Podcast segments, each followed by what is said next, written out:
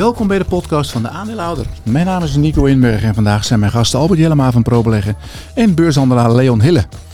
Uiteraard komen de bedrijfscijfers van deze week langs, waaronder die van Justy Takeaway, ASR, MN en Fugro. Deze podcast kun je met beelden bij bekijken. Ga dan naar YouTube en zoek op de aandeelhouder.nl. Wil jij meer informatie ontvangen over deze of andere aandelen? Bij de aandeelhouder zijn we je ogen en oren op de beurs. En alles wat relevant vindt op de beurs delen we vervolgens met onze leden. En lid worden kan je nu via onze speciale kortingsactie, waarbij je 24% korting krijgt op een jarenabonnement.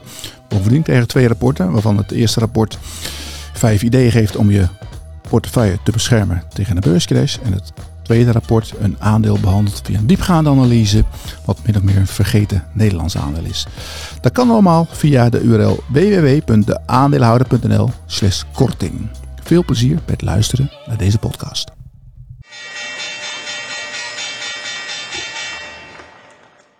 Welkom bij de podcast van de aandeelhouder. Het is vandaag uh, 29 februari, een dag extra eigenlijk. Extra dag in het jaar.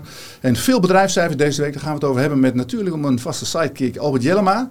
Over uh, ja, Justy Takeaway denk ik moet even hebben straks Albert of niet? Ja, we kunnen er niet aan ontkomen dit keer, er niet omheen, uh, maar ze gaan weer omhoog heb ik gezien. En we hebben een nieuwe gast, nieuwe vriend van de show, Leon Hille. Leon, welkom. Ja, dank je. Eerste keer dat je ja, bent. Ja. Uh, gaat het een beetje, een beetje wennen naast ja, Albert? het is een beetje wennen. Jullie zijn natuurlijk heel ervaren daarin. Voor mij is het allemaal nieuw.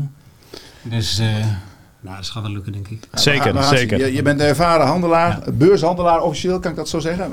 Ja, nu wel. Beurshandelaar ik ben, uh, van beroep? Ja, je kunt nu zeggen, ik ben een soort trader vooral, maar ik, ik, uh, ik werk al eigenlijk op werk. Ik ben al 35 jaar actief. Ja, 35 jaar. Op de beurs eigenlijk, in allerlei hoedanigheden. En uh, ja. dat is begonnen echt als een hobbyist eigenlijk. En okay. het geven van beleggingsadviesjes. En later een soort onofficieel vermogensbeheer. Uh, ik heb uh, stukjes geschreven over de beurs als een soort ja, columnist. IX vroeger. IX vroeger. En ik heb eigen site gehad. Okay. Ook een soort aandeelhouder.nl, maar dan veel kleiner. Maar dan echt? Oh. Ja, nee, maar dan echt wel kleinschalig. Ja. Ja. Uh, bijdragen geleverd aan, aan andere sites. Marktgevoel dat is misschien al een oh, bekende naam van vijf à tien jaar geleden. Daar, oh, daar zat je ook bij natuurlijk, met ja. Selwin. En, ook, en, ja, Selwin Deugenstein heeft dat uiteindelijk overgenomen. Ja, Carpathia ja. zat je bij? Van, uh, ja, dat is nog, dat hebben we ook bijna tien jaar gedaan. Dat loopt nu een beetje op zijn einde, met Carpathia. Doen jullie daar nog wat of met, met elkaar? Met, ja. Met John Rijers en, en uh, Martijn Kok? Wie zit er Ja, dat, was, dat Carpathia, dat was met die twee jongens. En uh, het eigenlijke beleggingsgroepje, dat wil een doorstart maken, maar nog niet duidelijk of dat erin zit. Oké. Okay. Wel bijzonder, Albert. Hè? Hij ja. vertelde ons net toen hij hier kwam dat hij ja. nog nooit een officiële baan gehad heeft.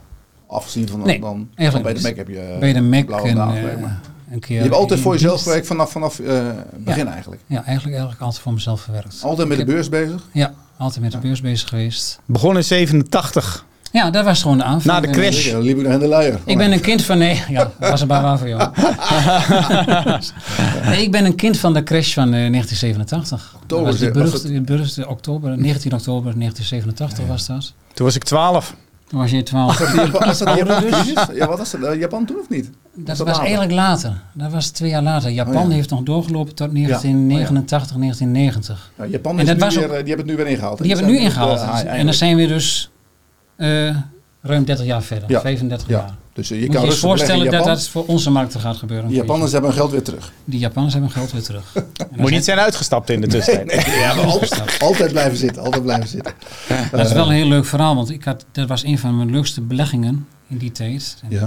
Ik had nog niet veel te beleggen natuurlijk, maar dat was Intereffect Japanse warrants. Oh ja, ja, oh, ja, ja. Die, die tent uit Joden. Ja. Want ja, hoe beleg je in Japan? Nou, Japan, dat was fantastisch. Hè? Dat ging alleen maar omhoog, ja. omhoog, omhoog. Dus ja, dat die was een van mijn eerste beleggingen. Intereffect, Inter ja. ja. Die op Japan en van mij nog een aantal dingen. Maar dat, dat, ja, en dat, dat was een succes. Op een gegeven moment dachten ze van het wordt een succes. En ik doe het ook op China. En ja. ik doe het ook op uh, Vietnam. Maar Japanse warrants, dat was het. Ja, Joden. Goeie oude Friesland, tijd. Dat Joden. Joden. Dat was echt een heel leuk verhaal. Nou, ja. Leon, goed dat je er bent. Jij weet, jij weet uh, ik zie je ook op social media, je weet heel veel ja. van aandelen. Je kent al uh, het Nederlandse aandeel, buitenlandse aandelen. Heb je ook een uh, duidelijke mening over de markt? Zullen we zo nog even over hebben. Ja. Je gaf ook tips dit jaar, hè? want ik zag, Ah, ik, ik geef sowieso heel veel tips. Ik heb dit jaar volgens mij 23 tips gegeven. Ja, Philips Met onder andere? Dingen. Nee, nee, nee, Philips Jij gaf ook tips, alleen omgekeerde tips. Ja, ik dacht van iedereen komt het eind van het jaar, die komt dan met, met, met beurstips, Kooptips. kooptips. Ik dacht Ja. van nou laat ik eens origineel zijn. Ja, En ik geef verkooptips. ja. Nou, En heb ik een drietal heb ik opgevoerd. Daar gaan we het zo even over hebben. We lopen nu op de zaken vooruit, maar daar moeten we het zo even over hebben inderdaad. We hebben ze hier opgeschreven. Plus de, nee, de rendementen die maar maakt niet uit. We gaan het zo over hebben. Ehm, we beginnen natuurlijk altijd met de verbazing van de week. Eh, Albert, mag ik jou het spits laten afbijten? Want je hebt eh, over iets, iets heel bijzonders verbaasd, heb je verteld vandaag. Maar hij wou het nog niet zeggen. Nee, Vind ik nee, zo nee. flauw altijd. hè? Nee, nee, ik zeg het nooit. Ja, anders is het niet leuk voor de Dan opname. word ik verrast. Ja. Maar het, het heeft niks met de beurs te maken. Oh, oké. Dus, Nou, eh, naar Leon? Iemand, iemand, iemand vertelde mij gisteren een verhaal. En eh, er is natuurlijk veel discussie of gesprekken. Dat gaat tegenwoordig heel veel over eh, ja, gendertransitie. Oh, Hè? Het veranderen van Is je het gender. verstandig om dit hier te gaan zeggen? Nou, eh, wat mij verbaasde was dat eh, heel veel cao's, et cetera, wordt nu in besproken over hoe ze dat gaan verwerken. Nou, nu is het zo dat je bij Ahold krijg je tot 33 weken vrij als je dus in, die, in dat proces gaat. Bij ING minimaal 24 weken, dan natuurlijk wel verspreid over enkele jaren. Ja, ja. Maar dat, ja, dat verbaast mij wel dat je gewoon ja, meer dan een half jaar zeg maar, de beschikking krijgt over vrij als je dat, dat in Hoe wil lang gaan. duurt de ombouw dan, normaal gesproken? Ja, dat, dat weet ik niet. Maar dat gaat in fases, gok ik zo. niet in één keer. Nee, nee. Maar toen zat ik nog wat verder te kijken. En dat is voor de tip voor iedereen die bij ING werkt eigenlijk. Want daar heb jij ook een eh, diversiteitsverlof, zag ik. En er stond bij, eh, als er een gelegenheid is dat je iets te vieren hebt die speciaal voor jou zijn. Dan kun je anderhalve dag betaald verlof krijgen en anderhalve dag of, eh, onbetaald verlof. Oké. Toen dacht ik, nou dat zal dan wel zijn dat er iemand 50 jaar getrouwd is of dat het bijzonder is. Nee, dat is ook eh, carnaval. Oké. Stond er expliciet bij vermeld. Als jij naar een Pride-event wil. Ja. Hè? Nou, ja, wie wil dat niet? hè? Wie wil dat nou niet? Dus dat is een tip. Als je denkt van nou, ik wil wel drie dagen vrij. Dan zeg je gewoon, nou, ik ga naar carnaval. Ja, gaat skiën. Maar dan krijg je anderhalve dag gratis. Extra. Dan moeten wij dat ook invoeren. Ik Nee. wil binnenkort naar Feyenoord. Ja, nee. Ja, door de ik week. Ik dacht dat jij gendertransitie van 33 weken wilde doen. dat duurt me te lang. Dat duurt je te lang. Dan krijg je 33 Ik weken ga er vrij. verder helemaal niks over zeggen. Nee, dacht ik al. Eh, ri- Riskant onderwerp Dit hè? onderwerp en ik wil niet worden gecanceld. Nee, maar ik vond het wel Maar ik vind het wel eh, opmerkelijk. Het- opmerkelijk. En dat, dat is dus, als je er nu op gaat zoeken op eh, gendertransitie en verlof, dan kom je bij alle grote bedrijven die gaan dat doen. Alleen, wat, kijk wat het, wat het ook is, ik verbaas me erover, hè, want het is een enorme periodes. Maar dat kan natuurlijk kleinere bedrijven, MKB, et cetera, die kan natuurlijk daar nooit in meegaan. Want je kunt niet als je een bedrijf bent met vier man, iemand zeggen je krijgt een half jaar vrij. Eh, dat kan natuurlijk Ik niet. bedenk me opeens wel. Dus, Het dat is toch wel- bizar? Het is wel handig voor die bedrijven die te weinig vrouwen in dienst hebben. Je hebt bijvoorbeeld een, een, eh, in het woord maar één vrouw hebt of twee. Dan kan je op die manier kan je dat wel, wel eh, verhogen. Ik dacht dat jij er niks over ging zeggen. Nee, Oké, nou, laten we even gaan. Leon, we gaan naar jou. Eh, je, hebt, je hebt over heel veel dingen verbaasd, zei je net. Ja, ik verbaas me Maar eh, continu. noem er eens een paar. Ik verbaas me continu. Maar allereerst misschien, eh daar komt het dadelijk nog op, het, eh, de verbazing van de dag. Van de dag. En dat is verbazing over de donderdagen in het algemeen in dit jaargetijde. Dit is het jaarzevenseizoen. Ja? En het verbaast mij telkens, en misschien is er wel een logische verklaring voor, maar het verbaast mij dat bijna alle bedrijven de donderdag uitkiezen voor publicatie van hun kwartaalcijfers. ja. Nee, dat klopt. Ja, iedereen de werkt vier- Woensdag een beetje. Iedereen werkt vier dagen in dit land. Vrijdag zijn ze vrij. Ja, dat Maar dat is- verbaast mij. Maandag is. Ja, maar bijna dat is niks. omdat wij de podcast opnemen op donderdag. En dan willen dat ze zal zo het zijn. heel heb op je, cijfers heb je goed op eh ingespeeld. Nee, maar je hebt inderdaad gelijk. Want het is altijd het, Altijd donderdag. Het zwaartepunt ligt aan het eind van de week. Er zijn wel bedrijven die het af en toe Ja. anders doen. Alphen laatst hè, op zondagavond. Ja, nou ja, dat is ook Dat is origineel. ook raar, maar Ja. wel origineel. Dan, origineel. heb je wel veel aandacht. En PostNL doet altijd maandagochtend, want die, maar die willen graag aandacht hebben. Nee, Voor de. Dat worden prachtige cijfers. Maar, maar, dat, maar dat vraag ik me dus af. Van als je inderdaad goede aandacht wil hebben voor je bedrijf. En je hebt een Moet je niet op donderdag. Waarom allemaal op donderdag? Ja, Ja. eens. Voor niemand is dat af te zien. Niemand is Nee. het af te grijpen. Ik zag Nico vandaag ook het in één keer heel hard werken. Ik zei, wat ben je Ja. toch aan het doen de hele dag, Het man? Hij zegt, ja, allemaal cijfers. Ja. Ja. Ja, nou ja, dat Goed, maar dat was van dus. de dag. En nu van de week? Oh, dat- ik mag eh, al- Ja, al- vertellen. door. Nou, dat is wel een hele leuke. En volgens mij had jij het nog eh, op, op je Twitter staan. Dat is Nancy Pelosi. Oh ja. Oh, Al die acties Ja, van ja, haar. Hè? Dat ze Ja. long Nvidia zit en daar miljarden, of eh, miljarden is overdreven, miljoenen aan verdient. Ja. En van de week zat ze dan in, eh dat ging iets minder Palo goed, Alto. Palo Alto, Ja. dat eh, securitybedrijf. Ik denk, ik vind dat zo wonderlijk. zo iemand, heus van Achtervazen, Ja. een democraat, en die ook voorzitter is geweest en die echt de- lustig op los belegt. Ja. Heb jij Kijk, moet je deze... eens voorstellen dat bijvoorbeeld Hugo de Jonge hier ineens belegt en die zegt van nou, ik heb een belegging in BAM.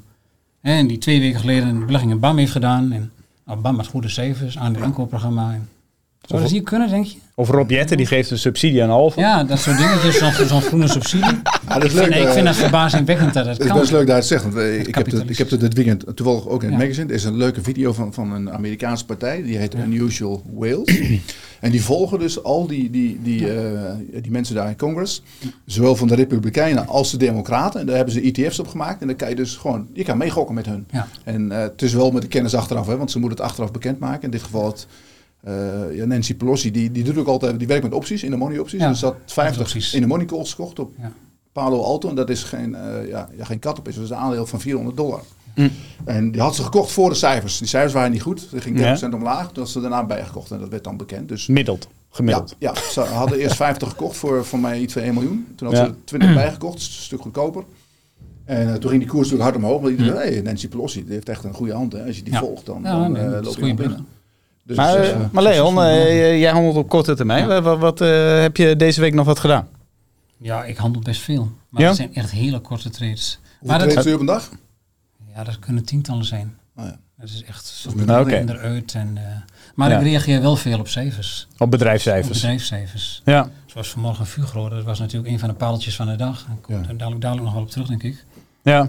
Maar ja, die kon je long in de opening. Want die opening viel nog wel mee op die cijfers. Als je dan, Ja. de koers was gisteren 19. Ja. Nou, die opening was 19,5. Ja. Dan kun je op inspringen. Zeker als ik weet dat, we hadden het al over TradeGate. Dat is een alternatief handelsplatform. Ja. Daar noteerde hij op een gegeven moment al 20,5. Ja, ja, Voorbeeld. ja, oké. Ja. Kijk, en dan denk je van dat is misschien iets te ambitieus, maar 19,5 op basis van dit bericht, eh hervatting dividend, Ja. ja, dat zijn dingen waar je dan op inspringt. En dan ga je er even in. En dan, dan, ja, eh, als het dan eh, muziek eruit zit, dan pak je je winst. Het, Ja. het is vaak... je eh, bent gewoon, gewoon als je, je, je, Ja. houdt niet Ja. een week vast of een maand nee, of dan denk je van, nou, dit is echt nee, later. Het is echt... eh, ik doe het ook best wel ge- geregeld, eh, maar dat, dat kan ook omdat je natuurlijk voor jezelf handelt. Je hebt niet Ja. een fonds of zo, of je Ja. moet niet met hele grote bedragen. En als relatief eh, eh, kleine belegger, zeg maar, Ja. relatief, Ja. ten opzichte van de grote jongens, kun jij op opening nog een positie kopen. En als de rest dan wil bijkopen of de shorts willen sl- sluiten, ja, die komen dan achter je aanlopen en dan Ja, eh, kun je een paar procentjes pakken. ja. Ja, De volumes zijn daar natuurlijk niet, niet heel groot in Duitsland. Nee. Maar je kan er wel af en toe wel wat doen. Hè? Ja. Eh, Nee, ik kon vanochtend de N1 kopen op eh 38,60. dat heb je niet gedaan dan. Hm? Waarom heb je niet gedaan? Oh, je- Ik had eh, nog een hele lading call opties. Dus, eh, Oh. Ja. Ja. Ja, je vond het al duur, 38,5. Nee, nee, maar ik, we hadden het in januari natuurlijk over die call-opties van eh, dat met die uh, woekerpolis. En ik had toen de helft verkocht en de andere helft had ik nog. Dus eh nou, dat was vandaag een mooie bonus. Nee, hele mooie cijfers. Gaan we het zo over hebben. Nou, laten we eens even kijken. We moeten het natuurlijk eerst hebben, Albert, over eh Justy Takeaway. Gisteren oh, een rare dag, hè? Goede cijfers toch voor beurs. Denk, nou, dat wordt Ja. wel goed ontvangen. Dacht ik wel. Hoge opening ook. En Ja. boem, 10% eraf. Ja, Wat was er aan de hand?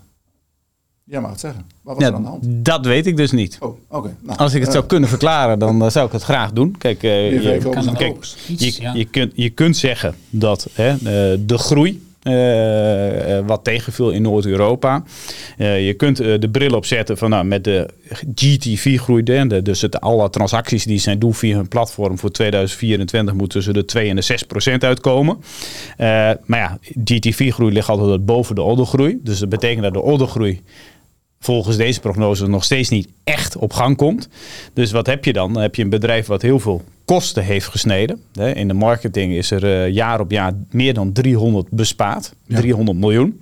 Ehm, ja, dan, dan, en dan ga je nu voor volgend jaar ga je van nu 323 naar 450 miljoen EBITDA. Alleen het is wel eh, zeer beperkte groei als je kijkt naar de orders en de GTV-groei. Ja, eh, en kosten snijden. Ja, op een gegeven moment moet je natuurlijk wel weer gaan groeien Ja. om te zorgen voor die echte delta op je winstgevendheid. Dus als je de negatieve enkel zou willen kunnen pakken, zou je dat kunnen doen. Je kunt ook denken, er komt 38% groei in EBITDA in 2024. Dat lag duidelijk boven de verwachting van analisten. Zij zeggen dat ze significante progressie maken in de UK en Ireland om te groeien naar dezelfde marge als in Noord-Europa. Nou, dan is er een hele lange weg te gaan. Maar doordat ze hun netwerk nu hebben uitgebreid, zou dat uh, uh, ja, snel op orde moeten komen. Ze zijn vrij kaststroom positief in H2, dus er gaat geen cash meer de tent uit. Uh, Kruppe maakte 126 miljoen EBITDA vorig jaar. Nou, dat is exclusief fee caps. Dus stel je voor 75, 100 miljoen op fee caps, zit je op 200, 225 ja, is toch ook niet gering. En dan kun je zeggen, misschien is er dan toch een keer iemand die het gaat kopen. Hij zei ook in de call van, uh, nou, we zien weer uh, ja, de, de, het aantal gesprekken, dat neemt weer duidelijk toe op dit moment. Okay. Uh, en er is volgende week ook weer een deadline bij de rechtbank dat er weer stukken op dat gebied moeten worden ingedeeld met die fee caps. ik denk dat er ook nog steeds heel veel zelfhelp in zit. Oftewel, ja, als je kijkt naar hoe, hoe wat haar voor conglomeraat is opgebouwd, denk ik dat er nog heel veel te doen is op kosten. ja, en uh, wat heel verbazingwekkend is, als jij al die bedrijven naast elkaar zet, dan heeft over het algemeen de koers wel een bepaalde correlatie met de verwachtingen van de RBDA, hoe die zich ontwikkelen. Nou, ja. er is, uh, we hebben nu een mooi programma waar we dat kunnen zien. Als jij hier de ontwikkeling in de taxaties van RBDA ziet van 100 miljoen naar 450 miljoen, dan zie je een koers die gaat van 20 naar nu 15,5. Dus het is ook een enorme eh, discrepantie tussen die twee dingen. Uh, maar ik weet dat er zijn heel veel mensen compleet klaar en die kijken hier niet meer naar. Je krijgt ook een beetje het idee dat het een speelbal is geworden. Want uh, ik keek net even voor de uitzending. Ja, en dan is iemand lijkt er wel een beetje klaar te zijn met dat er vandaag wat herstelt. En dan worden er gewoon honderdduizend stukjes in het boek zichtbaar op 1548 neergelegd. Zo van, nou, ik zet even een streepje. Ik ben oh, er klaar mee. was. Nee, nee, ik lig altijd aan de beatzijde. Oh, dus, uh, ja, ja, ja. Nou ja, kijk, wil je positie kunnen verdubbelen. Kijk, het grootste gevaar voor mij bij Justy TKW is als uh, DoorDash uh, Deliveroo gaat kopen en dat ze die als concurrent in de UK erbij krijgen. Dat is voor mij het grootste risico in investment case. Uh, maar voor de rest, ja, denk ik een goede update. ja, en ja, een, een, bijzonder lage waardering. Maar ja, dat staat er al een tijdje. Ja. Die, die Grote beleggers durven er niet in te stappen. De koers van gisteren was natuurlijk raar. Hè? Als jij daarnaar kijkt, Leon, je, je, ja. je kijkt natuurlijk er was eentje. Je, je kreeg eerst dat bericht. En dat EBITDA. Uh, dat springt eruit. 50 miljoen. Dat springt er echt uit. Dat was ja. echt beter dan verwacht. Dus iedereen verwacht ook dat die koers omhoog ging. Ik ook. Ja. En dan zie je die koers dalen. En dan zie je alle analisten over elkaar beuzelen met eerste reacties. Uh, dan wordt er nadruk gelegd op dat de cijfers over Q4 een beetje tegenvielen. Dat er niks wordt vermeld over Grubhub. Want ja. uiteindelijk willen ze daar gewoon vanaf. Daar willen ze, moeten ze vanaf. Daar wordt eens over verteld. En kijk naar de marge, netto marge. Vrij beperkt. En het is best dat, dat het bedrijf zich eindelijk goed ontwikkelt. Alleen dan keek ik naar de netto winst. Die zie ik nog niet. Ik ben daar prachtig. Maar netto winst... Adjusted. Adjusted, maar... maar het, het, gaat natuurlijk wel hard omhoog. Maar dat, dat, is, dat is ook een, maar een van de netto winst misschien in 2025. Ja. Die, die, uh, ja, Albert, want die, die, die, uh, die verhoging van die EBITDA, die komt ja. ook uit uh, minder uitgeven aan marketing. Ja, 300 miljoen. als je minder uitgeeft aan marketing, ja. is dat wel zo verstandig. Wil, ja, nee, maar dat, dat, dat, heeft natuurlijk weer invloed op je ordergroei, dat heeft op je GTV groei. Maar ja, je wil ook geen orders winnen die per definitie verliesgevend zijn. En dat is hier heel veel gebeurd. En kijk, en die, die, dat verlies, dat klopt. Alleen ja, er zit natuurlijk enorme impairments in dit verhaal. Uh, als je daarvoor corrigeert, dan kom je echt wel op een uh, positieve netto winst uit. Want uh, dan zat je op 145 of zoiets netto winst. Ja. dus dat, dat draaien ze wel als je alle impairments, als je het daarvoor corrigeert. Ja. Dus daar zit wel een verschil in. maar kijk, Groen, die zei, Jits Groen zei ook van in, de, in, de pod, of in de podcast, in de toelichting, zei hij ook van, joh, buybacks heeft bij ons prioriteit. en ehm, we gaan verstandig om met capital allocation. Er komt een nieuwe CFO. En die CFO die komt uit de, ja. de, uit de, de school. Uh, die komt van de Plus. Ja, die komt van de Plus, maar die werkte vroeger samen met uh, Dick Boer bij Ahold Delhaize, was uh, head of M&A. dus ik krijg ook wel het idee dat er, dat er een behoorlijk nou, ervaren CFO wordt neergezet, die als expertise heeft M&A. Dus, de vorige was niet zo heel... heel, heel ja, dus maar iedereen zegt ook van, joh, Krupp, raak je het überhaupt wel kwijt? Uh, ja, dat is, dat is wel een hele grote vraag. Want als je twee jaar erover zegt dat je iets wil verkopen, maar je verkoopt het niet, dat kan A betekenen je hebt een veel te hoge prijs in je hoofd. Of B, eh, niemand wil, het kopen omdat het natuurlijk wel hard gekrompen is. Ik had altijd wel het idee dat Jitsen het eigenlijk helemaal niet wil verkopen. Die, eh, Ja, dat- hij komt bij jou in de buurt, toch? Ja, Enschede. Ah, hij, hij- daar heeft hij gestudeerd. Daar heeft hij in ieder geval Jullie hebben- gestudeerd. niet toevallig samen... Nee, helaas. Je bent niet- hij, is, Oh, hij nee, zo, nee. is een stuk jonger. Hij is een stuk jonger dan mij. Klopt. Ja. En heeft het prachtig gedaan. Maar ik vraag me wel eens af of hij nu nog de juiste man op die plek is. Ja. Want het is een geniaal idee wat hij heeft gehad. Hij was eigenlijk bijna marktleider. Ja.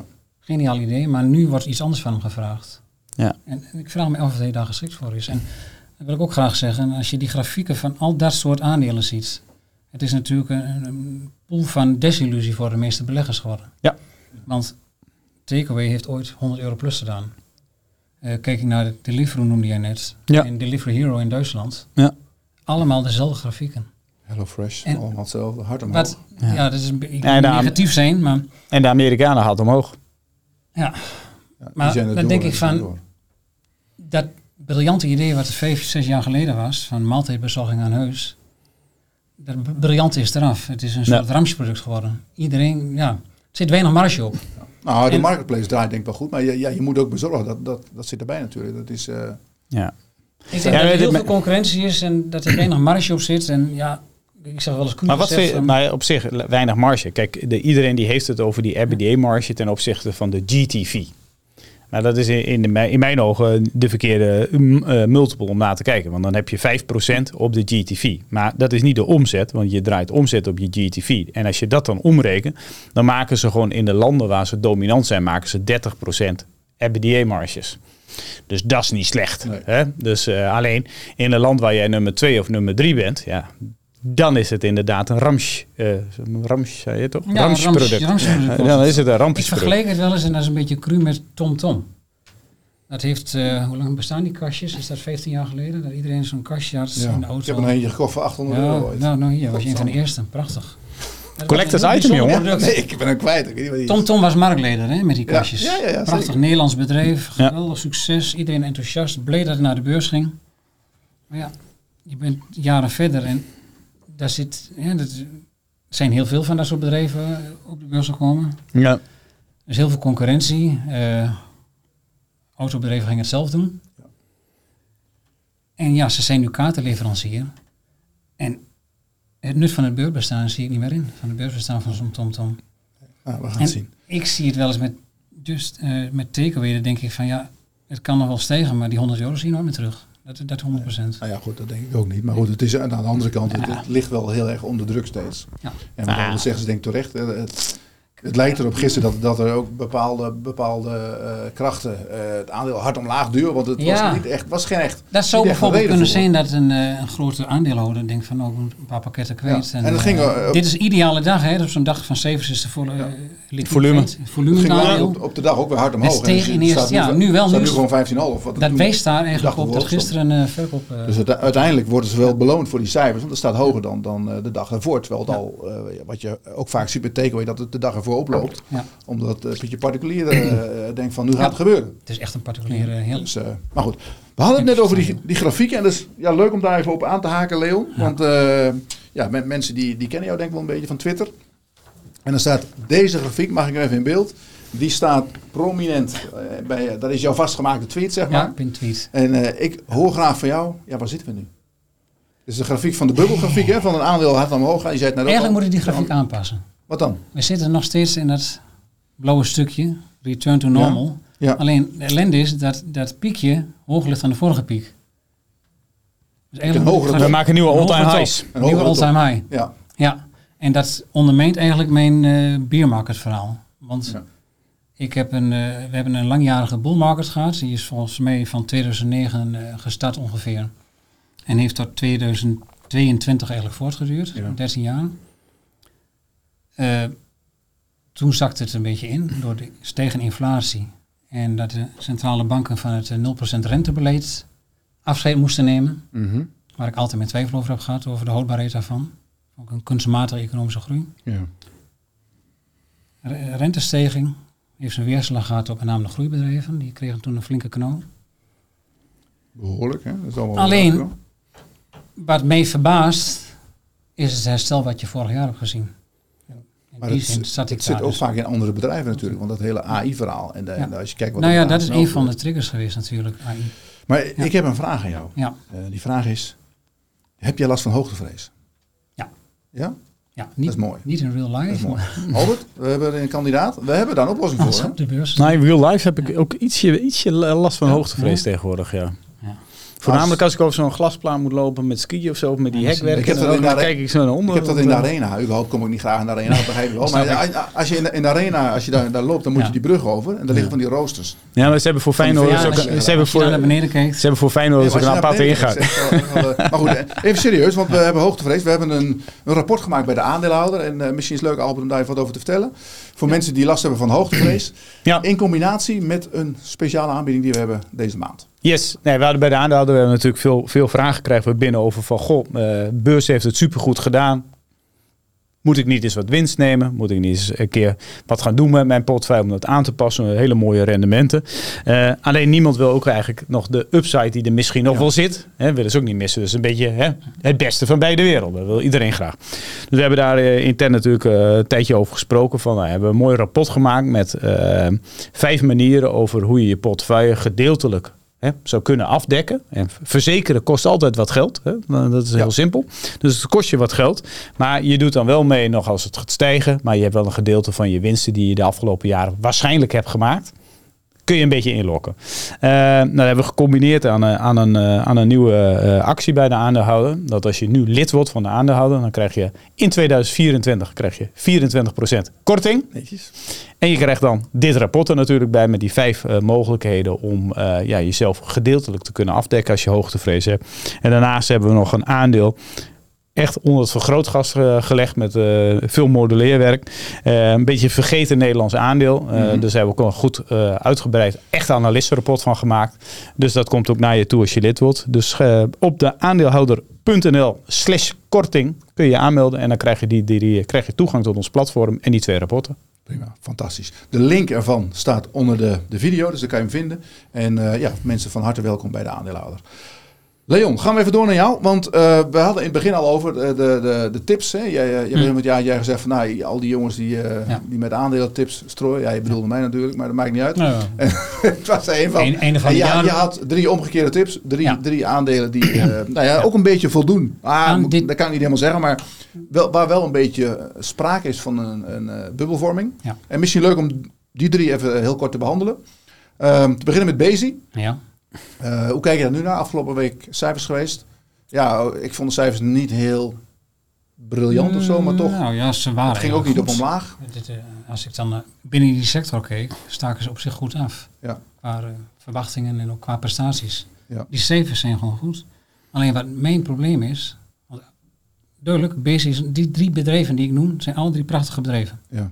Alleen wat je nu ziet is dat die prachtige bedrijven, die worden waarderingen toegekend die moeilijk waar te maken zijn op lange termijn. En dan krijg je grafieken, inderdaad, we lieten net deze grafiek zien, zo'n paraboolvorming Ja. naar boven. En die zijn met de economie die ik voor mij zie van de komende jaren eh, moeilijk houdbaar. Even dat is een beetje het, het punt. En dan kijk je naar multiples en ik kijk toch vaak naar, naar de groei van de winst, de winst per aandeel. En Of dat een beetje in verhouding staat tot elkaar. En zo'n BC ook, dat prachtige groei dit jaar, of voor, voor dit Ja, jaar wordt er verwacht. Maar als daar 2023 80 keer de winst wordt betaald, dan denk ik van ja, dat wordt wel heel pittig. Ja. Dat is heel Moet pittig. wel wagen. Want eigenlijk, BSI was een winstdaling. De winst was lager Ja, nee, klopt, 2022. klopt, klopt, ja. En in Lager 2024 gaat het, uit. gaat het flink omhoog weer, de winst. Alleen, jaar op jaar, die winststijging is nodig om te beantwoorden aan die enorme koers-winstverhouding. Maar goed, bij die, bij die chipbedrijven zit er een belofte in. Hè? Dat zeg ik ook bij, Ja. bij ASMI en eh ASM International. ASML met name, dat die Ja. zeggen, dit wordt een tussenjaar. Eh Ja. ASMI zei dat ook heel duidelijk. De eerste 2023 paar kwartaal wordt eigenlijk eh, niet veel bijzonders. Maar dan beginnen we te groeien. En volgend jaar verwachten Ja. we een omzetstijging van Maar de meeste 35%. bedrijven die zeggen natuurlijk, we hebben nu nemen even een transitiejaartje, die knallen in elkaar. en deze tenten die lopen verder omhoog. Ja. Opgevallen dat er een belofte Ja. zit voor volgend jaar. Maar dat was ook Ehm, wel verbazingwekkend, hè? want we hebben zo'n grafiek gemaakt dat eh, als je eh, AS ASMI hebt, ASML, eh, Nvidia en Besi, Ja, en je kijkt naar de voorwaartse EV-EBITDA, hè, maar koers-winstverhoudingen kijken we niet echt naar, maar dan kijk je naar 25, 26, et cetera. Dan is Nvidia de goedkoopste. Ja. En dat is wel een mooi, hè? want die, die groeit die groeit voor volgend jaar, voor dit jaar dan gebroken boekjaar, wordt een winststijging van meer dan 100% verwacht. Daarna zakt hij naar 0 en dan weer 20%. Maar gemiddeld genomen groeit hij harder. Eh, en de waardering is eigenlijk lager als ze die groei gaan waarmaken. Eh, dus ja, kijk, eh, dus dat is ook wel een beetje hè, van eh, welke zou je moeten, Ja, he- welke zou je zo moeten hebben. Eh, dan, eh, ja, hoe raar het ook klinkt als je een koers ziet staan voor 750. Ja, zou, zou, zou ik ook eerder nog neigen naar Nvidia. Maar ja, die hebben ook rechtstreeks geprofiteerd van die AI-hype. Ook Feitelijk, hè, met, met omzetcijfers. Komt echt heel veel geld binnen. Winststijgers, er komt zoveel geld binnen. Dus daar had je ook niet kunnen voorzien, denk ik, een paar jaar geleden. Hm. En, en dit- dat is ook een beetje dat verhaal van die, die, die tweede piek in die bull market. Dat ja, AI had twee, drie jaar geleden had niemand het erover. Nee. En Nee, dat is nee, wel precies. echt de, de trend Ja. die een nieuwe boost heeft gegeven aan de stijging. Ja. Even die andere twee aandelen. Wolters Kluwer. Eh, dat Ja, gaat ook- alleen maar door. Hè? Dat zag vandaag ook weer een koersdoelverhoging Ja. van, van, eh, van Deutsche Bank. Ja, zo, dat kreeg maar- dan, continu, er wordt een hoge koers wel afgegeven. En, eh, maar dan keek ik ook weer, geloof ik, 35 keer de winst betaald. En dan krijg je een rapportje, dan zeggen ze van winstverwachting mid tot single tot mid-digit growth, of single Ja. mid-digit growth, er staat dus zeg maar 5 tot 10 procent winstgroei. ja, dat wordt dan in vreugde gesteld. Maar die koers is wel 35 keer. Ja. En er Word je 3% voor betaald. eigen aandelen in. En dan wordt dan vaak zo'n bericht, wordt dan, om die koers om te ondersteunen, wordt dan vaak een aandeel-inkoopprogramma aan toegevoegd. Ja. Ja. En dat pimpt die koers. Ja. Die grafiek, die grafiek Ja, is die niet normaal. vind ik wel, wel griezelig. En Ja. Kijk, en we hebben dit al eerder gezien. Eigenlijk, wat ik net zei in 2022. Als je zo'n grafiek van Bezi, maar ook ASMI bijvoorbeeld, ASM International, als je dat ziet. Die is inderdaad van 400, nog wat stonden toen, even naar 200 gezakt. Ja. Met Adyen is dat natuurlijk Ja. ook gebeurd. Ik bedoel, ja, als mensen er niet meer in geloven, dan kan het echt hard gaan. Toen Adyen gaan. ja, rond de Ja, 800 maar stond, ook dat van, als ze het niet waarmaken, Nee. dan is 800 ook nog hoog. Ja, precies. Ja, maar ik ben het meer, mee- meer eens met, met Wolters Kluwe dan met, met de ASMI's en de BC's, et cetera. Maar dat komt omdat ik denk van ja, zo'n Wolters Kluwe, kijk, hè, bij, bij ASMI, hè, dan heb je, hebben ze, iedereen heeft het over Gate, hè. Eh, dat is een nieuwe technologie. Ja, vra- ga, mij, ga me niet vragen, wat is dat wat precies? Ja, Ga me niet vragen, wat is dat precies? Maar stel je nou voor dat dat inderdaad, hè, wat ze zeggen, want ik heb het wel even opgezocht, want ik wist dat je die velende vraag stellen. Dat is een nieuw soort transis, eh, transistortype en dat noemen ze ook wel nanosheets. Nu jij weer. Eh, maar daar gaat het niet om. Maar waar het om gaat is dat, kijk, daar, daar is een technologiefase, breekt eraan, waardoor omzet en winsten misschien snoei had kunnen gaan toenemen. Bij Wolters Kluwer, daar gaat niet in één keer 30% groeien. Dat, als dat 5 tot 10% groeit, dan is dat... Nou, dat zelfs daar wordt de AI als argument opgevoerd Ja, ja, om ja, de waardering te rechtvaardigen. Ja, alleen het is... wij het- hebben goede ja. data. Ja. Alleen kunnen bij Ja. ons Alleen dit is een andere categorie. Als mee. eigenlijk hetzelfde verhaal. Maar wij hadden, Jordi en ik zaten deze week met een eh, be- bevriende jongens met een hedge fund van Antaurus. Die eh, hebben ja. een heel stuk geschreven over Sanoma. Dat is een eh Fins bedrijf en dat is eigenlijk een digital publisher. Dan zaten we die groeicijfers te vergelijken. En die zijn eigenlijk hetzelfde tussen Sanoma en Wolters Kluwer voor de komende jaren. Nu is het wel zo, Wolters Kluwer is veel groter dan Sanoma. Maar als je dat vergelijkt, dan hangen handelen die op een multiple die ongeveer vier keer zo laag is dan. Wolters Kluwer. Dus dat is een hele, dat is een value case. En Jody, je weet, Jody is gek op value cases. En, Sanoma, eh, dat is toch pudding? hè? Ja. Ja. Die.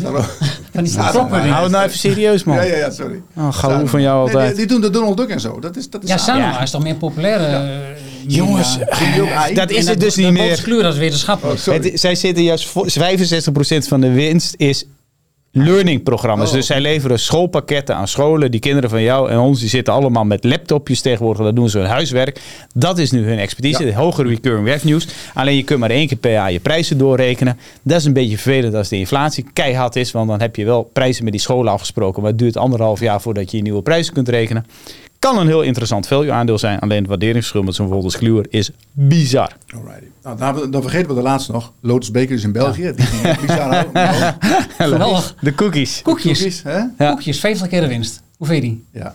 Ja, ik, ik loop dus al 30 jaar mee en dat heb ik nog nooit gezien. Nee. Van een voedingsmiddel. Maar die groeien ook goed. En die, Het is- die, eh, de, maar het idee is het. heel duidelijk. Ze breiden uit. Nieuw fabriekje, nieuwe cookies. Het is een fantastisch Komt bedrijf. Dat zijn ze alle drie. Bingesie, Wolters Kluwer, de Ja. Wolters zijn echt drie fantastische bedrijven. Alleen die, die koers die gaat te hard. En dat, Ja. dan krijg je zo'n paraboolvorm. En ja, Heb je- maar- grafiekjes. En, Ben, je- ben je er wel eens op gaan letten? Ik, want ik, ik zit ook elke keer naar een aandeel te kijken. Ik denk, hoe dan? Kijk, Dan, je moet ja. nooit short gaan in een aandeel Nee. omdat het duur lijkt. Dus dat doe ik ook niet. Alleen je kijkt ernaar van, nee, nee, ik snap het niet.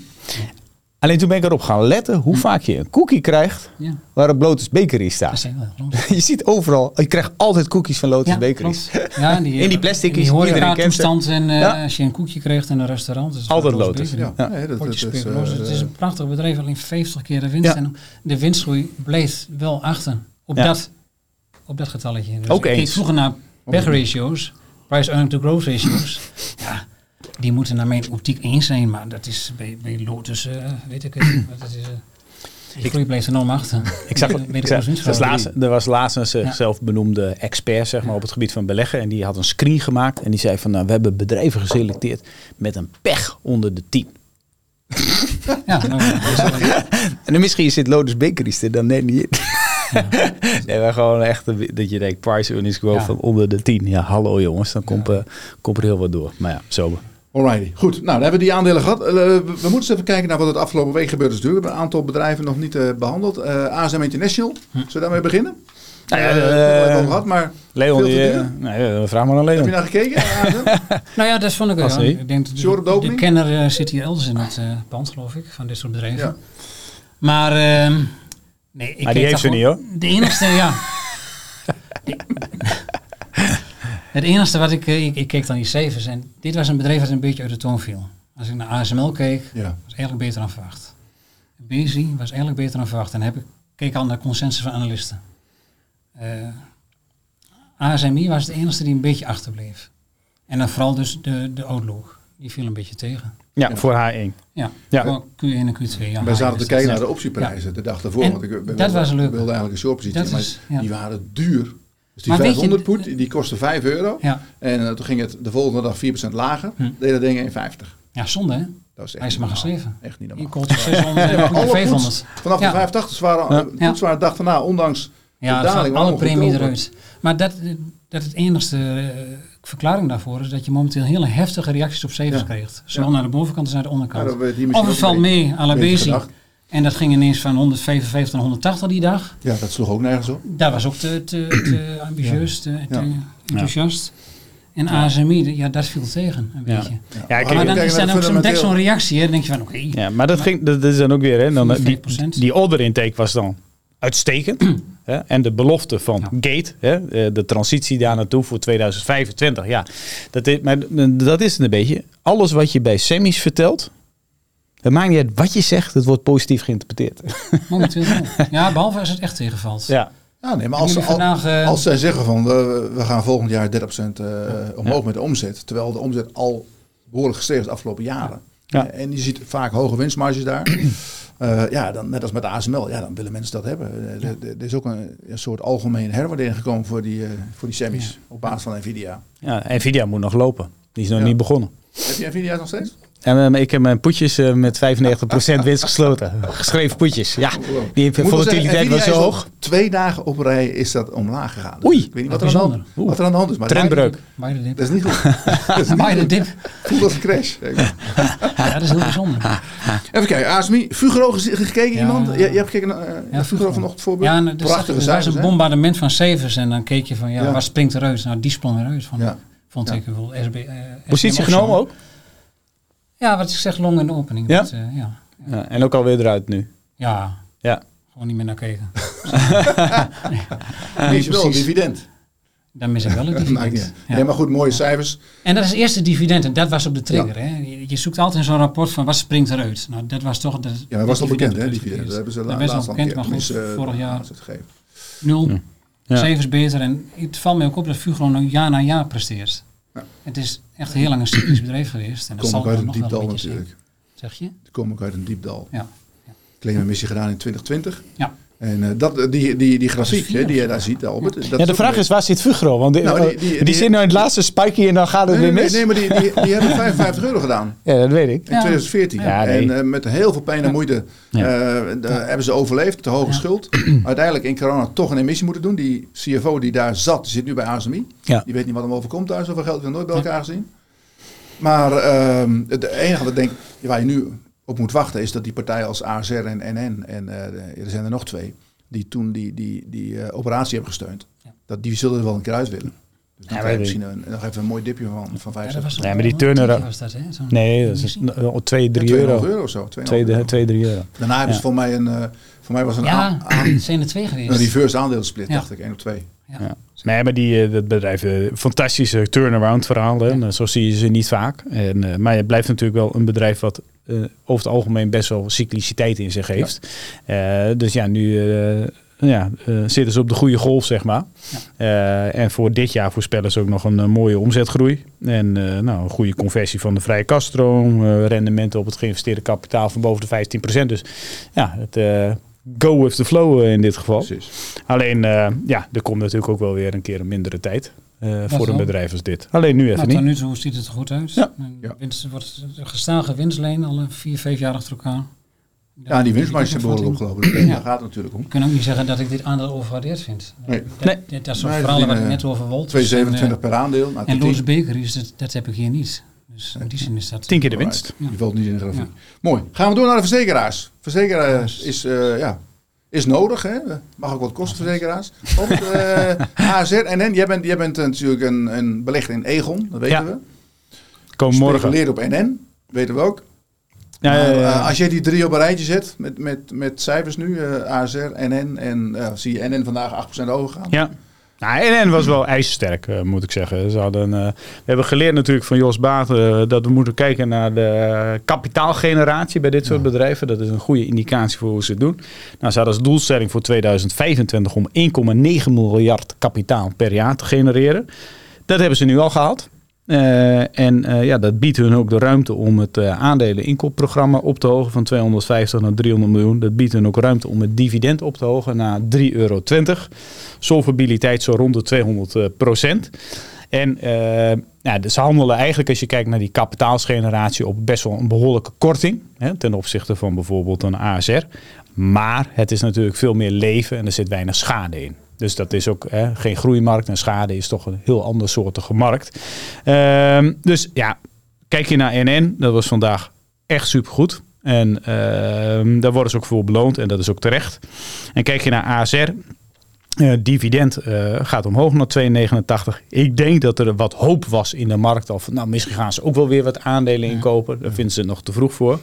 Maar eigenlijk moet ik dan jou vragen, Nico. Want je hebt eh, met, eh, met de met, CEO eh, nog even gesproken. Met Jos Baat en Jos de Bos. Hè? En, en eh, ik zei ook wel, ja, eh NN is natuurlijk vandaag die stilte show. Maar hij zei van, nou ja, wij kijken naar de lange termijn. En inderdaad, wat, dat, eh, hij zei ook wel van, eh, ik denk wel, eh, iets wat ook wel, wel waar is. Dat, dat de beurs heel erg kijkt naar aandelen inkoopprogramma's. Ja, heel Zie je ook nu het verschil extreem tussen, is dat op dit moment. tussen ING en ABN. Ja. Dat ABN heel goed ligt. En dat doen ze eigenlijk zelf. Maar de, de, de markt speculeert daar een beetje op mee. En zij, zij willen dat nog niet doen, maar ze komen in juni met de Capital Markets Day en dan komen ze ook een beetje met de nieuwe doelen. En ik verwacht dat ze dan wel wat weer gaan doen. Maar ze zitten natuurlijk met die solvabiliteit die, die nu lager is door de overname van Egon. Je moet dit jaar moet haast maken in Nederland, hè, als die plannen erdoor komen. Wat voor, de, Voor de- het inkopen van die Ja, aandelen. ja, je moet dat- nu dat beuken. Maar goed, de vraag is nog of het allemaal doorgaat natuurlijk. Want, Ja, nee, eh, ze maken zich ook wel een beetje zorgen om de... Daar heb ik nog met hem over gehad. Van over de, ja, ja, dat er geen regering is. En dat hij zegt, ik, ik, ik moet in het buitenland best vaak uitleggen van, aan investeerders. Van, is het nou wel verstandig om in, om in Nederland te investeren? Wat gebeurt er eigenlijk bij jullie? Ik kom geen regering. Wat, wat, wat gaat er allemaal gebeuren? Heel slechte zaak. Dus het is wel iets wat eh, meespeelt. Maar goed, zij, zij draaien in principe heel erg goed. Eh, integratie van Egon gaat goed. En eh, ze zien ook nog wel voldoende manieren om te groeien. Omdat eh, ze kunnen nog wat in die, in die uitvaartsector, valt nog wat over te nemen links en rechts. Ja, we vergrijzen dus. Een groeisector. Ja, dan gaat het. dat is wel zo. Er zijn een aantal partijen die zijn nog sterven naar dood. Goed, dus daar, daar zien ze nog wel groei. En ook in die, in die schadeverzekeringen. En, en eh, daar, daar zien ze groei. En in, met de pensioenwet, daar gaat ook van alles gebeuren. Dus daar, daar, daar zitten zij ook bij. Dus dat valt ook Ja, wel wat. eh. Dus het gaat denk ik best goed. Alleen eh, als je kijkt naar het dividendrendement van, van ASR en NN. En je zegt nu, NN heeft echt wel een beetje re-rating doorgemaakt door nu met die goede cijfers te komen.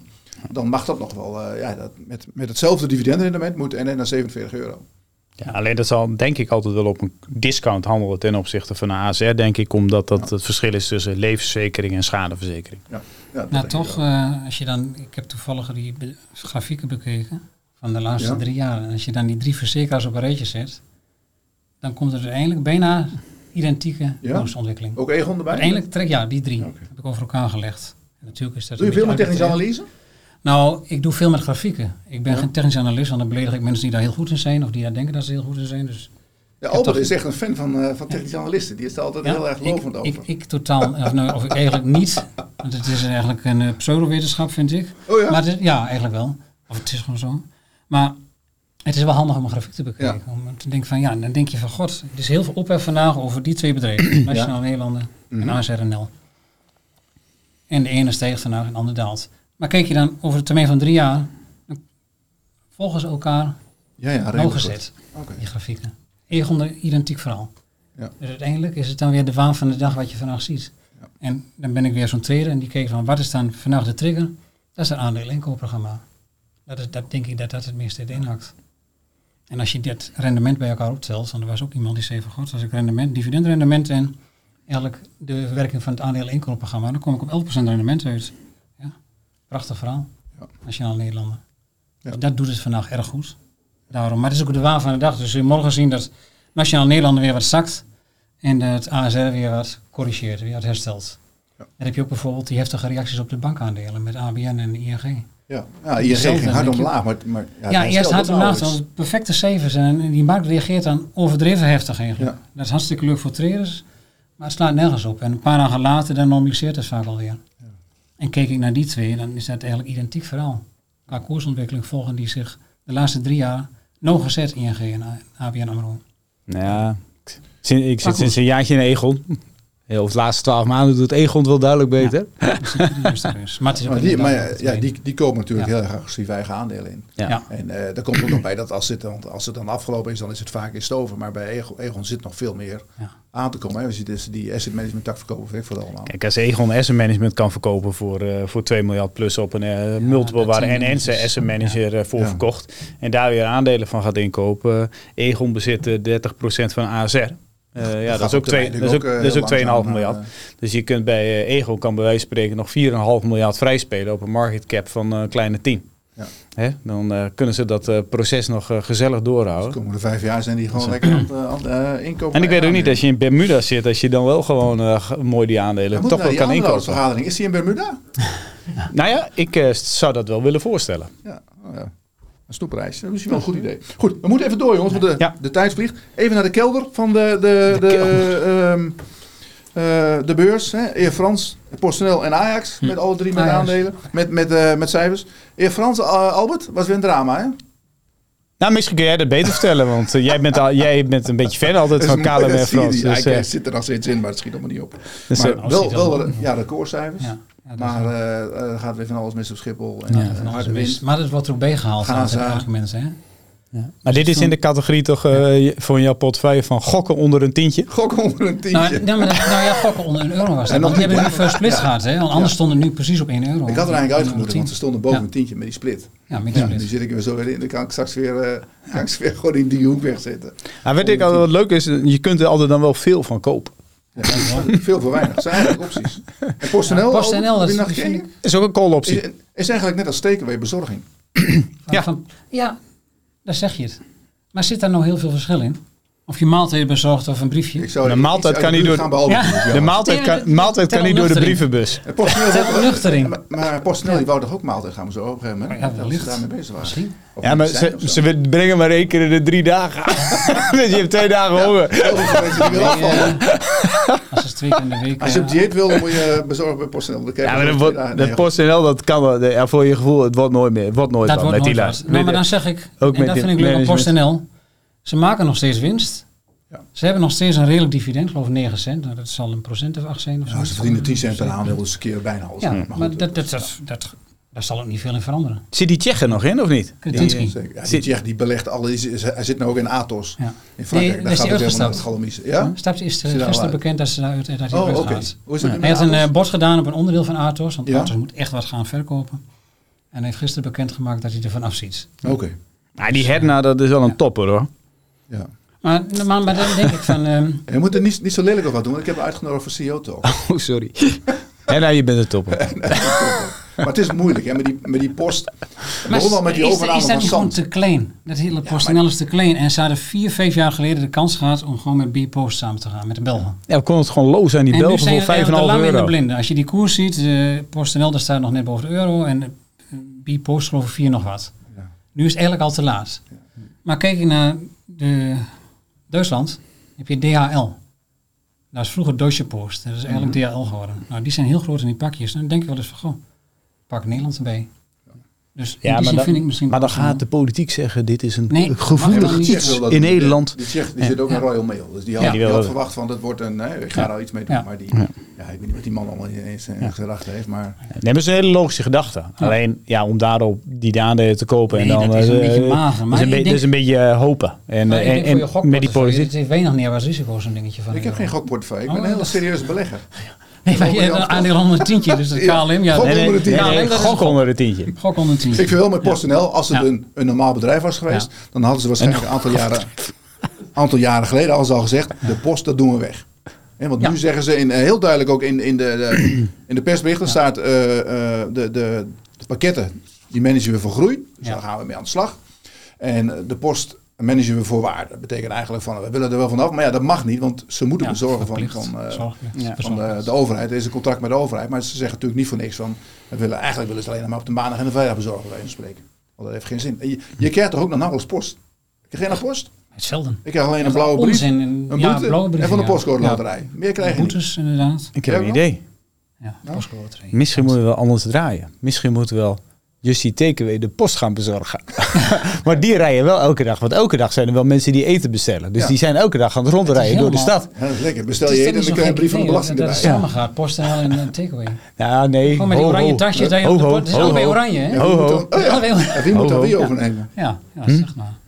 Nou, ga even verder. Just die Eh, PostNL ik, Just eh, die PostNL. Nou, Jongens, hou. Eh, Alpen, heel even op Ajax. Ik heb de cijfers niet gezien, maar die kwamen, kwamen gisteravond uit. Eh, want eh, jij bent ook een voetbalfan, hè? We vragen onze gasten altijd.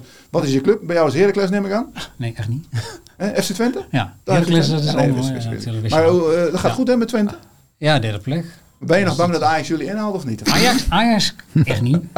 AZ zou kunnen. Dat, maar Ajax, Ja, dat is is nu ook een drama. Ah, ja, die hebben nu net weer een paar wedstrijdjes gewonnen. Dat je denkt van, goh, Ja, maar dat die moesten nog kunnen. Ja, moesten tegen Ajax. En dan is precies wat je zegt. Nee, het drama. Nee, Ajax is weg. Iedereen is vanavond voor Feyenoord, hè? Vanavond? Vanavond. Eh, als ja, dat weet je wel. Ja, Als ja, eh, tegen FC Groningen. ja, als, als Feyenoord het wint, is dat gunstig voor Ajax. Oh, is dat zo? Want die Euro- Europa Cup plaats, eh, als je de beker wint, en die kans wordt dan vrij groot als Feyenoord de beker wint. Ja. Nou, Dan- is wel eh Ja, oké. Maar, goed, Maar de is kans wordt dan groter. En als ze de beker winnen, dan schuift die Europa Cup plek van Feyenoord. Dan krijg je rechtstreeks eh zijn. Ah. Europa Cup. Of die heb Champions League dan. Ja. Die verschuift aan de onderen.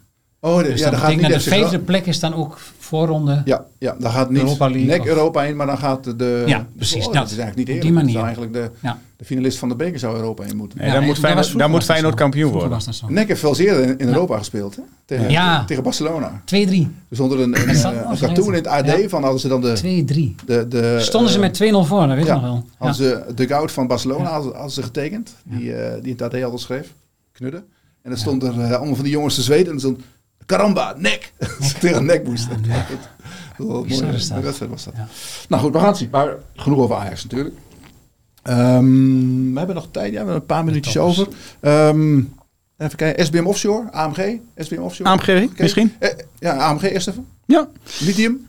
Ja, ja dat, eh, ik heb toevallig vandaag even de call geluisterd. Want we hebben altijd een gesprek bij de halfjaren met de jaarresultaten met de AMG. Dus eh, er komt volgende week ook een verslag van in het, eh, in een magazine over de AMG. En ja, 75% lagere lithiumprijzen, zoals ze het zelf noemen, unprecedented. Alleen wel, ja, de, de EBITDA had een record in 2023 nog van 350 miljoen. Alleen voor 2024 guiden ze 130 miljoen. Dus dat is nogal een delta. En eh, alle projecten die zijn wel onder zogenaamde review. Hè. Dus eh, ze gaan bekijken van kan met de huidige prijzen kunnen we bepaalde projecten nog wel gaan eh, uitvoeren. Ehm, ja, en ja, een jaar geleden, want ik had het dus opgezegd, toen gaven ze nog als guidance dat ze binnen vijf jaar, dus nu binnen vier jaar, een EBITDA wilden halen van 650 miljoen dollar. Dus dat is wel eh, ja, de gevoeligheid voor die voor, gevoeligheid van die commodity prijzen is extreem. Dus eigenlijk als je in AMG wil beleggen, ja, dan moet je eigenlijk de vraag-aanbodverhouding van lithium dan moet je een mening over gaan vormen. Ja. En als je in de call luistert, dan, dan zijn zij zelf er wel echt van overtuigd dat je wel echt eh, ja, op de bottom zit. Omdat eigenlijk heel veel producenten, ja, die hebben produceren nu tegen verlies. Hè? Want de, de kosten om het te, te minen uiteindelijk, die liggen hoger dan de verkoopprijs op de markt. Dus dat is voor hun een indicatie van eh, dat de, ja, de bodem ongeveer bereikt is. Aan de andere kant, je hier weer de wilde variabelen, dat is China. Ja, het is eigenlijk een Eh, uh, aandeel. Dus ja, en die, ja, probeer daar maar eens een mening over te vormen. Hè. Aanbod van lithium uit China, ja, ik kan het niet. Eh, dus we hebben die vraag ook gesteld van, goh, jullie zeggen dan dat de bodem is bereikt en dat supply-demand in, in balans moet gaan komen. Nou, Om daar eens wat meer duiding over te geven, ja, op, op basis waarvan ze die analyse en die teksten kunnen uiten. Eh, want ja, als er ook maar iets klopt van wat ze zelf verwachten, ja, dan zou het op deze koers een, een, een stiel zijn. Ja. Alright. Ja. Je, je, je kijkt er ook naar, hè, s ochtends als het dan, eh, want die opening was laag met AMG vorige Ja, week. AMG. Was het vorige week? Nee, ja, dat was, was Ja, een week geleden. week. En, En die maar kwam dat- s'avonds al met is de wel heel snel hersteld. Ja, Oh, die heel kwamen snel nabeurs, ja, woensdag nabeurs met cijfers. Die Kreeg een lage opening, maar het Ja. werd heel snel opgepikt. Ja. Wat, wat denk je dan als je dat ziet? Dat de bodem, en het is toch een soort teken van bodemvorming. Ja, ja. Dat zo'n zo'n toch slecht bericht goed wordt geaccepteerd. Dat Ja. iedereen denkt van ja, ze zit echt onderin een cyclus. En Laatste winstwaarschuwing. Ja, eigenlijk wel. Dat, dat kan alleen nog maar meer gaan vallen, zou je denken. Ja. Ja, want, eh, als je en als het aan meer valt en ze kunnen over een kwartaal zeggen van god, de EBITDA kunnen ze naar boven aanpassen, dan krijg je een vlucht in het aandeel. Ja. En dan denkt iedereen van ja, de bodem is gepasseerd. Ja. Je hebt ook zo'n Belgisch bedrijf, Umicore, dat zit ook een beetje in diezelfde hoek. Volg ik ook wel Ja, actief. ja, die zitten met de batterijen verkeerd volgens Ja, mij. Die gingen batterijen maken die niemand meer nodig heeft. Nee, precies. Maar uh, met kathodes. ja. Ja. nee, voor, voor, voor eh, dieselauto's geloof ik waren ze toen mee bezig. Maar goed, dit doet ook allerlei andere dingen. Eh, Oké, nou AMG, maar gaat in ieder geval eh, 21 nog wat weer eh, hoger dan voor de cijfers. Eh, SBM heeft wel een, eh, die had wat raars vandaag. Die gaan het dividend aanpakken. En dan gaan een eh, deel van het dividend halen ze terug. Of tenminste, het wordt niet uitgekeerd. Het wordt, wordt gebruikt voor een aandelen inkoopprogramma. Dat is wel apart, hè? Ja, dat dat is eigenlijk een soort eh, halfslachtig... eh, ja. Maar die hebben misschien ook gedacht van, hey, die beurs die reageert beurs op een reageert heel op doen. aandelen-inkoopprogramma's. Ja. Die koers ook dan omhoog. Dan te- denk je van doe en en. En dat is nou ja, precies wat je zegt. Je ziet het aan die koersvorming, dat deed heel weinig. Ja. Maar het is op zich, nee, dus alleen dividend ging natuurlijk eigenlijk jaar op jaar omlaag. Ja. Maar met de buyback die er bovenop zit, is het per saldo krijg je meer retour. Ehm, alleen het is wel een, ja, er zijn niet echt mixjes die je vaak, eh, nou althans, eh, ik kan me niet zoveel bedrijven eh, verzinnen die dat als, Niet- niet op die manier het is een redelijk, ja, unieke approach zeg maar.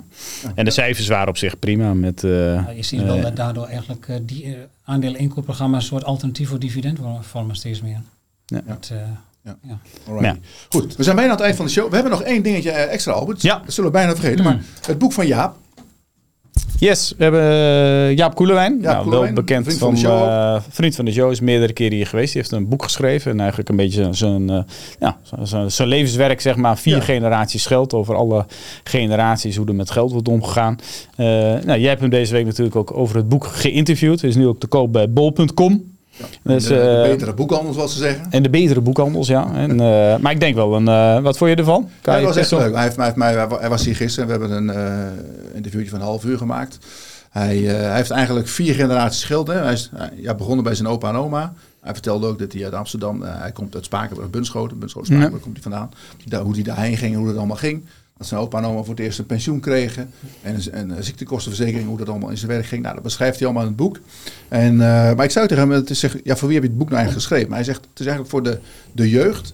Die, die, die, eh, zijn heel veel jongeren, dat zie je ook wel op, op, op eh, social media. Die weten eigenlijk niet goed wat er allemaal gebeurt. Hè. Je, je ziet wel, je hebt wel eens over de, de Madelon Vosjes van deze ja, wereld. precies. Die eh speculeert er ook een beetje op dat men een beetje onrust zaait van wat gebeurt er eigenlijk met de euro? wat gebeurt er met je geld, met, je pensioen allemaal? van het systeem, van het geldstelsel. en, Met het systeem. Nou ja, heel veel mensen, je ziet ook met hoe de bitcoin nu gaat. En hij ja, beschrijft in het boek eigenlijk wat je dan het beste kunt doen als je, als je jong bent en wat je dan moet doen, ook, ook ja, richting zijn kinderen.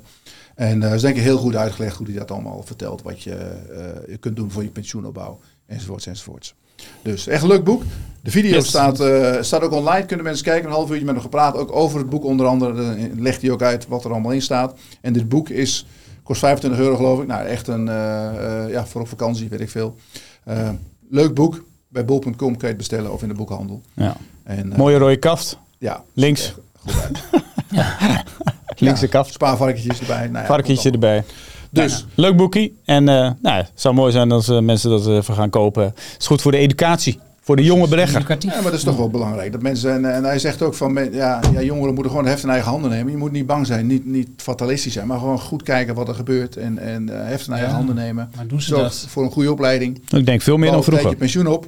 Dan, Ja, eh, nou, ik zie bij de jongeren ook wel een beetje uh, onbedachtzaamheid. Bijvoorbeeld inderdaad met die crypto. Dat ze daar wel heel enthousiast en ma- massaal in gaan. ja, maar er staat 63.000. in. Ja, ze hebben helemaal gelijk. Ze hebben helemaal gelijk. Maar ja, ze zaten ook in al die vage muntjes. En, eh, ja. ja. en Ja. ze hebben alleen nog maar, en dat, is- dat is weer mijn stokpaardje, ze hebben alleen een opgaande markt meegemaakt. En ik het over jongeren, hè, onder de 30. Ja. Die, Nou, die, maar crypto is ook van 60 naar 20, eh, 15 Ja, dus, eh, Mag ik even in beeld? Want hij komt eraan, hè? Hij komt eraan. Hij komt Alleen eraan. de timing. Wanneer weten we niet. Maar, wanneer weten we niet. En eh, dan... eh, ja, dan, zal ik nog een gevleugelde uitspraak doen dan? Ja. Nou, NSE? It's not being about being right, but being right at the right time. Right at the right time. maar dat Kijk kan bijna niemand. Timing. Nee, maar ja, ik bedoel, jij, kun- kan je, je, kunt- jij, jij staat met je grafiek natuurlijk dat je zei van nou, we zitten hier. Maar ja, nu zitten we weer hoger, dus je was ook te vroeg. Dus het Het is, maar op Dus thuis. je- eh, timing is everything. Dus. Timing is everything, maar wie, wie is daar goed in? ja. Ja, We zijn aan het einde van de show, jongen. Albert, nog even de boodschap. Eh, onder de, de video. Onze actie. Hè, Ja. Eh, als je hoogtevrees hebt, een mooi rapport hebben we gemaakt met eh, wat je kan doen om portefeuille te beschermen. 24% discount als je lid wordt van de aandeelhouder. Ze zeggen van harte welkom allemaal. Deaandeelhouder.nl slash korting. Korting. Leon is het een beetje meegevallen of zeggen van nou dat was echt de laatste keer hier. oh. Nee, dat is prima meegevallen. Ja? Hartstikke Nou, leuk. dan mag ik je komen. Het is een beetje ouwe over aandelen wat je zegt. Serieus?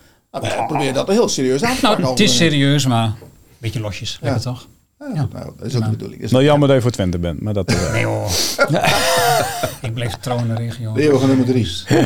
Ja, Maar ze doen het goed, Twente. Een leuk team. Ze hebben het enige team wat voor Feyenoord gewonnen heeft dit jaar, volgens mij.